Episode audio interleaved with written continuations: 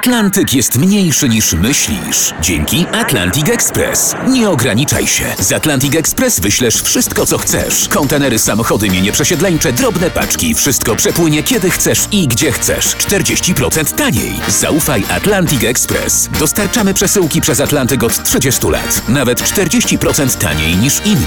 Dzwoń 1 800 775 73 63. Ekspresowo przez Atlantyk. Tylko z Atlantic Express.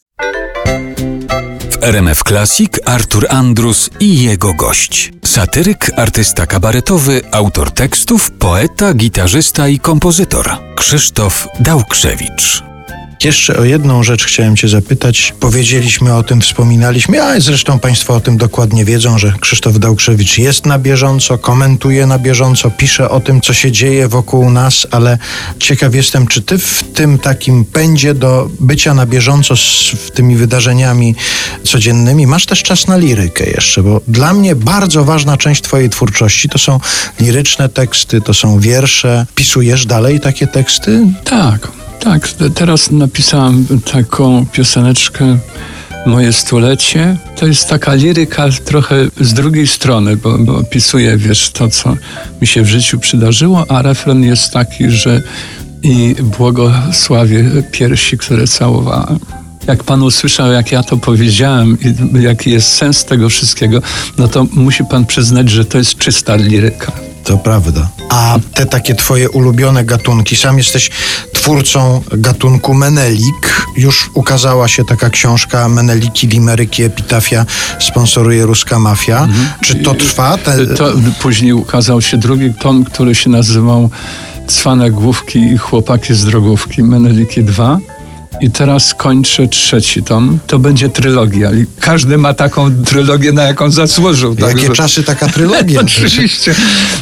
Ten, ten, trzeci tom będzie się nazywał Meneliki 3, czyli Wina Tuska i Logika Białoruska. Niektóre są przecudnej urody, muszę panu powiedzieć. Jeżeli pan chce, to mogę panu... Ale z przyjemnością. Powiedział mi pan w Gorzowie Wielkopolskim, że przyuważył takich dwóch dżentelmenów, którzy pili denaturat z plastikowych kubeczków na ławce w parku, z tych takich ciemnych, tak, tych plastików, także to robili to dyskretnie. I w którymś momencie jeden z nich podniósł z ziemi torebkę, wyjął dwa pomidorki i mówi zakąsimy. A ten y, drugi na to, wiesz, może lepiej najpierw umyć, bo nie wiadomo czym spryskano. Takie historie się zdarzają. I rozumiem, że ty to dokumentujesz, zbierasz i wkrótce ten kolejny tom trylogii się ukaże. Okazuje się, że bardzo dużo osób po ukazaniu się tych książek mówiło mi, że zmieniło swój stosunek do Meneli na lepszy. Że zauważyli, że to są ludzie po prostu, których trafiło jakieś nieszczęście, albo sami sobie zafundowali, albo życie im zafundowało ale to nie są ludzie groźni. Oczywiście zdarzają się, no, ale to wszędzie się zdarzają, prawda? W każdej formacji.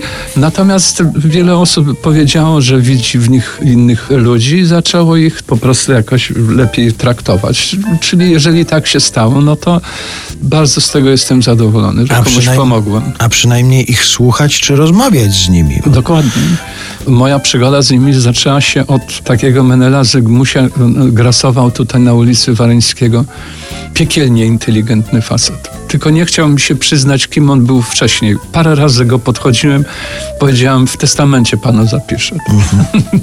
nie chciał, ale był to dowcipny, mm, z ogromną wyobraźnią facet mieszkał w okolicach Politechniki, by to być może nawet był jakiś rektorem.